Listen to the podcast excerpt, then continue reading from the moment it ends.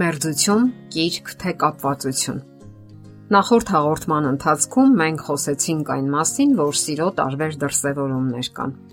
Առանձնացրին 3 տեսակները՝ մերձություն, կիրք եւ կապվածություն։ Եվ զույգն ինքն է որոշելու, թե իրենց դեպքում որն է գործում։ Իսկ կատարյալ դեպքն այն է, որ այս 3-ն էլ համահունչ եւ ներդաշնակ արկալին են զույգի կյանքում, թեև դա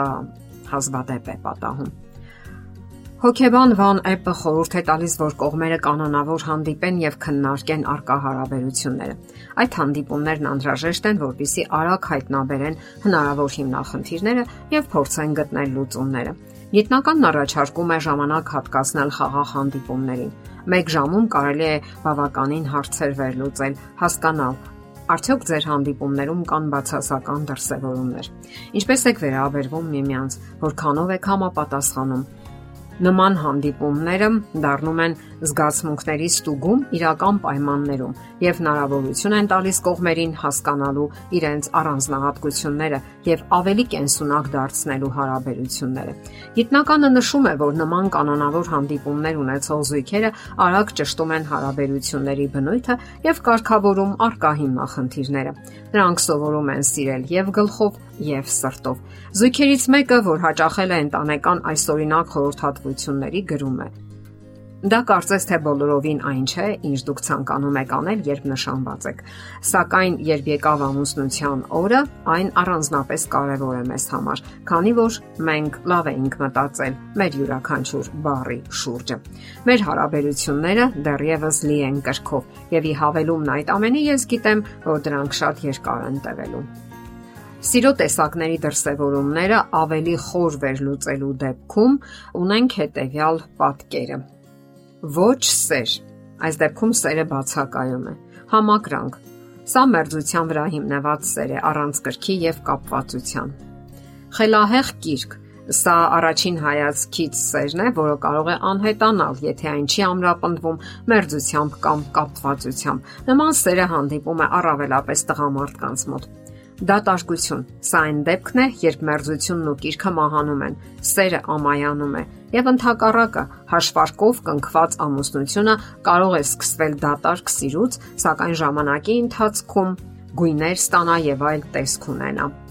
Ռոմանտիկ հարաբերություններ Սա հուզական եւ ֆիզիկական կապն է։ Նման զգացումը բնորոշ է մեղրամսին։ Թվում է, թե կողակիցը ամենակատարյալն է, սակայն ձեզ դեռևս երկար ժամանակ է պետք, որpիսի երկուստեք կապվածության զգացում ձևավորեք։ Ընկերական հարաբերություններ. Նման զգացումը սովորաբար առաջանում է, երբ ամուսնության մեջ գիրքն անհետանում է, սակայն պահպանվում է քնքշությունն ու կապվածությունը։ Սա սիրո այն տեսակն է, երբ զգում ենք, որ Սա սիրո այն տեսակն է, որ զգում ենք մեր ընտանիքի յուրաքանչյուր անդամի հանդեպ։ Խելահեղ սեր։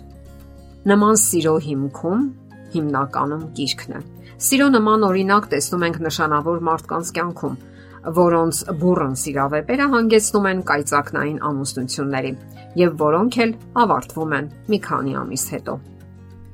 Կատարյալ սեր Սա սիրո բարձրագույն տեսակն է, որը ըստ հոկեբան Ռոբերտ Սթերնբերգի այնքան էլ հաճախ չի հանդիպում։ Սրան հասնելու եւ պահպանելու համար մեծ ջանքեր են պահանջվում։